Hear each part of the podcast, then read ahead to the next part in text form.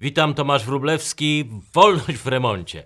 Dziś o tajemnicy trwania. Dlaczego euro przeżyło wszystkie gospodarcze kryzysy? W poprzednim odcinku, przypomnę, rozmawialiśmy o tym, jak to właśnie euro budowało niemiecką potęgę. Dziś o przyszłości. Euro może jest niepełną, felerną walutą naszpikowaną błędami, niedoróbkami, ale ma taką jedną silną stronę. Powrót do narodowej waluty oznacza katastrofę gospodarczą dla narodu, który się na to zdecyduje. To trochę jak z małżeństwem. Najpierw towarzyszy nam euforia, nowe życie i nowe możliwości, a potem, że ja wcześniej o tym nie pomyślałem. Ale w przypadku euro byli tacy, którzy myśleli zawczasu. Na przykład ekonomista brytyjski Alan Walters, w zasadzie szef doradców ekonomicznych e, premier Margaret Thatcher, w dokumentach przesłanych na ręce swojej premier, to był rok 1990, Walters przepowiadał, że europejski mechanizm kursów walutowych, tzw. Tak ERM, mający stabilizować waluty państw członkowskich przed e, wprowadzeniem e, euro, doprowadzi do europejskiego kryzysu. Dwa lata później mieliśmy tak zwaną czarną środę, odpowiednik walutowego zawału serca i Walters napisał wtedy kolejny list do odchodzącej już Thatcher, w którym zaklinał ją na wszystkie świętości, żeby nie przystępowała do strefy euro.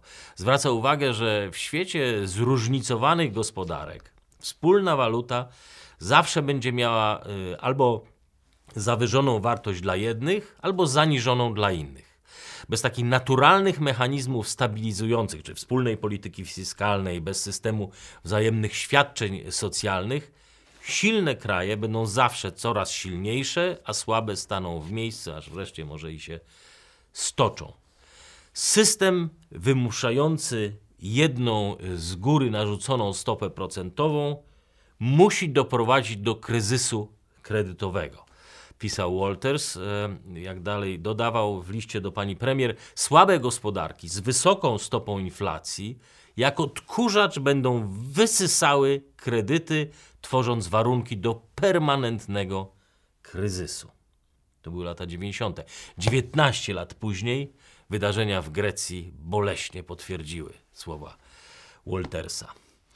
Grecja, y, wchodząc do jednej strefy walutowej z Niemcami, w tych pierwszych latach zaraz po unifikacji, jak w małżeństwie, zyskała na niższym oprocentowaniu kredytów. E, restauracja na przykład rybna w Halkidiki mogła teraz starać się o kredyt obrotowy na tych samych, podobnych warunkach, co Guesthouse Zoom w Hamburgu. Nic dziwnego, że atrakcyjny, tani pieniądz płynął i płynął strumieniami do Grecji. Nadmiar taniego pieniądza powodował ogromną presję inflacyjną, przez co grecki przemysł stopniowo tracił swoją konkurencyjność. To tak jakby dziś polskie meble czy polskie jajka sprzedawane były nagle po cenach w niemie niemieckich supermarketów. Przez chwilę oczywiście nasi rolnicy byliby tym zachwyceni, korzystaliby na tym, ale wkrótce zaczęliby tracić rynek i eksport stanąłby w miejscu. Dokładnie to się wydarzyło w Grecji. Ekonomia jakoś się kręciła dzięki oczywiście pomocy unijnej, ale gospodarka grecka została zredukowana do praktycznie turystyki, oleju z oliwek i spekulacji nieruchomościami. Kiedy pod koniec 2009 roku okazało się, że właśnie grecki król jest nagi i pieniądze zaczęły na gwałt uciekać z Grecji, kraj, kraj znalazł się na łasce pomocy z Brukseli Międzynarodowego Funduszu Walutowego. Tak zwana trojka, e, jeszcze Bank Światowy, roztoczyła nad Grecją parasol e, programu ratunkowego, przez co tak naprawdę rozumiano wtedy ratowanie w pierwszym rzędzie zachodnioeuropejskich banków inwestujących niegdyś w upadający teraz grecki przemysł i greckie nieruchomości.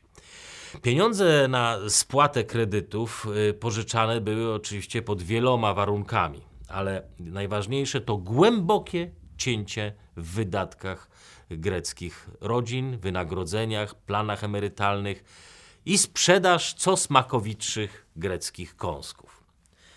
Praktyce unijna pomoc oznaczała, że między innymi legendarny ateński port Pireus został sprzedany chińskiemu państwowemu koncernowi za 368 milionów euro.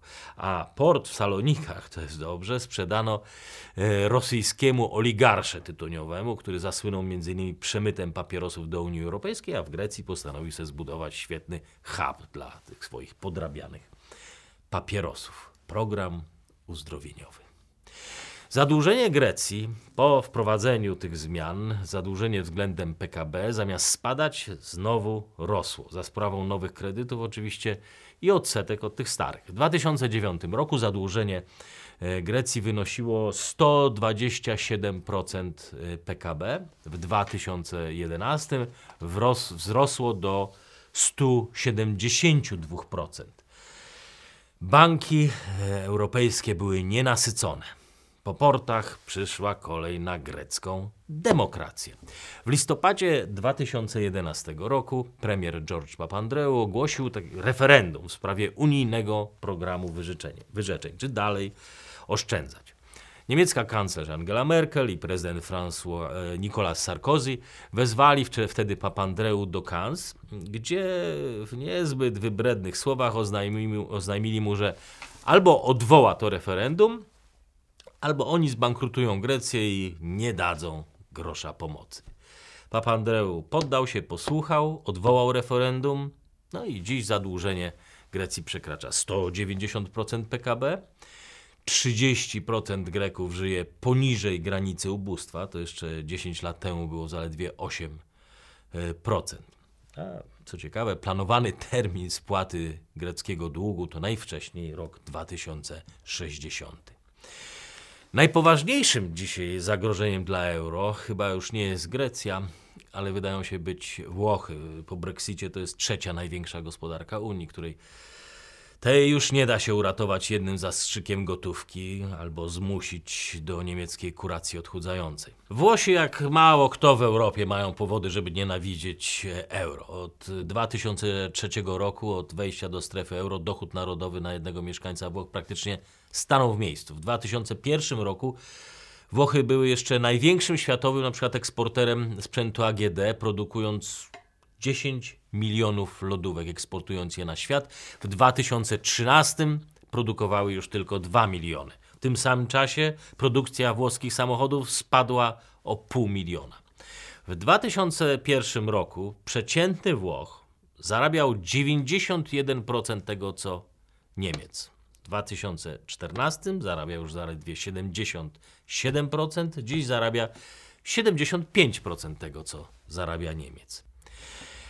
Na co warto jednak zwrócić uwagę, to na pewien fenomen, że mimo kolejnych plajt Cypr, Malta, Grecja, Portugalia, Irlandia, w przeciwieństwie do Islandii, tam euro wciąż trwa i prezentowane jest jako instrument budowania europejskiej prosperity i jedności. Znany były dziennikarz Financial Times David Marsh z takim unikalnym dostępem do źródeł rządowych w Paryżu i w Berlinie w książce Euro polityka globalnej waluty. Opisał historię pełną intryg relacji francusko-niemieckich, rozgrywkę euro, o euro. E, pokazuje tam, że politycy właściwie od początku powstawania waluty większą wagę przywiązywali do samego wizerunku euro, do waluty, niż jego ekonomicznych atrybutów. Marsz opisuje przedziwny proces, gdzie najpoważniejsze w powojennej historii kontynentu decyzje ekonomiczne motywowane są politycznymi przekonaniami, a nie twardymi danymi, danymi ekonomicznymi. Jedyny rząd, który kieruje się u Marsza opiniami ekonomistów, to rząd Margaret Thatcher i ta twardo odrzuca, jak wiemy, zaproszenie do strefy euro. Marsz przytacza medialne, czy raczej propagandowe argumenty obrońców euro, chętnie powtarzane przez euroentuzjastów także w Polsce, którzy twierdzą, że wspólna waluta będzie, jest spoiwem dla wszystkich narodów Unii. Nigdy jednak nie powstała żadna poważna publikacja ekonomiczna oparta na twardych wyliczeniach, która potwierdzałaby tę tezę. Argumenty zawsze ograniczały się do życzeniowych fraz, przekonania, że tak będzie lepiej, jeżeli świat będzie, Europa będzie miała wspólną walutę, a skoro tak będzie lepiej, to z góry założono, że projekt cieszy się szerokim poparciem społecznym. Wtedy też powstał taki termin w Unii Europejskiej presumed consensus społeczne, zakładane społeczne przyzwolenie. Zakładana zgoda, poparcie dla euro. Przyzwolenie społeczne szybko okazało się jednak ograniczone. Wkrótce po podpisaniu traktatu w Maastricht w 1992 roku Duńczycy odrzucili euro w referendum. To był czerwiec, we wrześniu Francuzi owszem przyjęli euro, ale zaledwie dwoma punktami procentowymi. Dalej to już było gorzej. W referendum konstytucyjnym w 2005 roku Holendrzy odrzucili cały projekt nowej wspólnej e, konstytucji.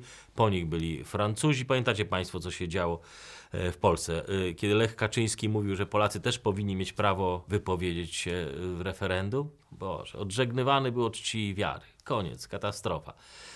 No mimo to dalej postanowiono jednak w Unii Europejskiej, że nie będzie ryzyka i nie będzie kolejnych referendów. Bruksela zawiesiła projekt y, konstytucji i postanowiono wprowadzić ją tylnymi drzwiami jako traktat lizboński, już bez poddawania dokumentu pod y, głosowanie, z wyjątkiem oczywiście Irlandii, gdzie i tak trzeba było powtarzać głosowanie, żeby otrzymać pozytywny wynik. Wtedy też, w czasie mm, tych decyzji i rozmów o traktacie lizbońskim, padły pamiętne słowa doradcy prezydenta Francji Pascala Lamy, późniejszego komisarza do spraw handlu.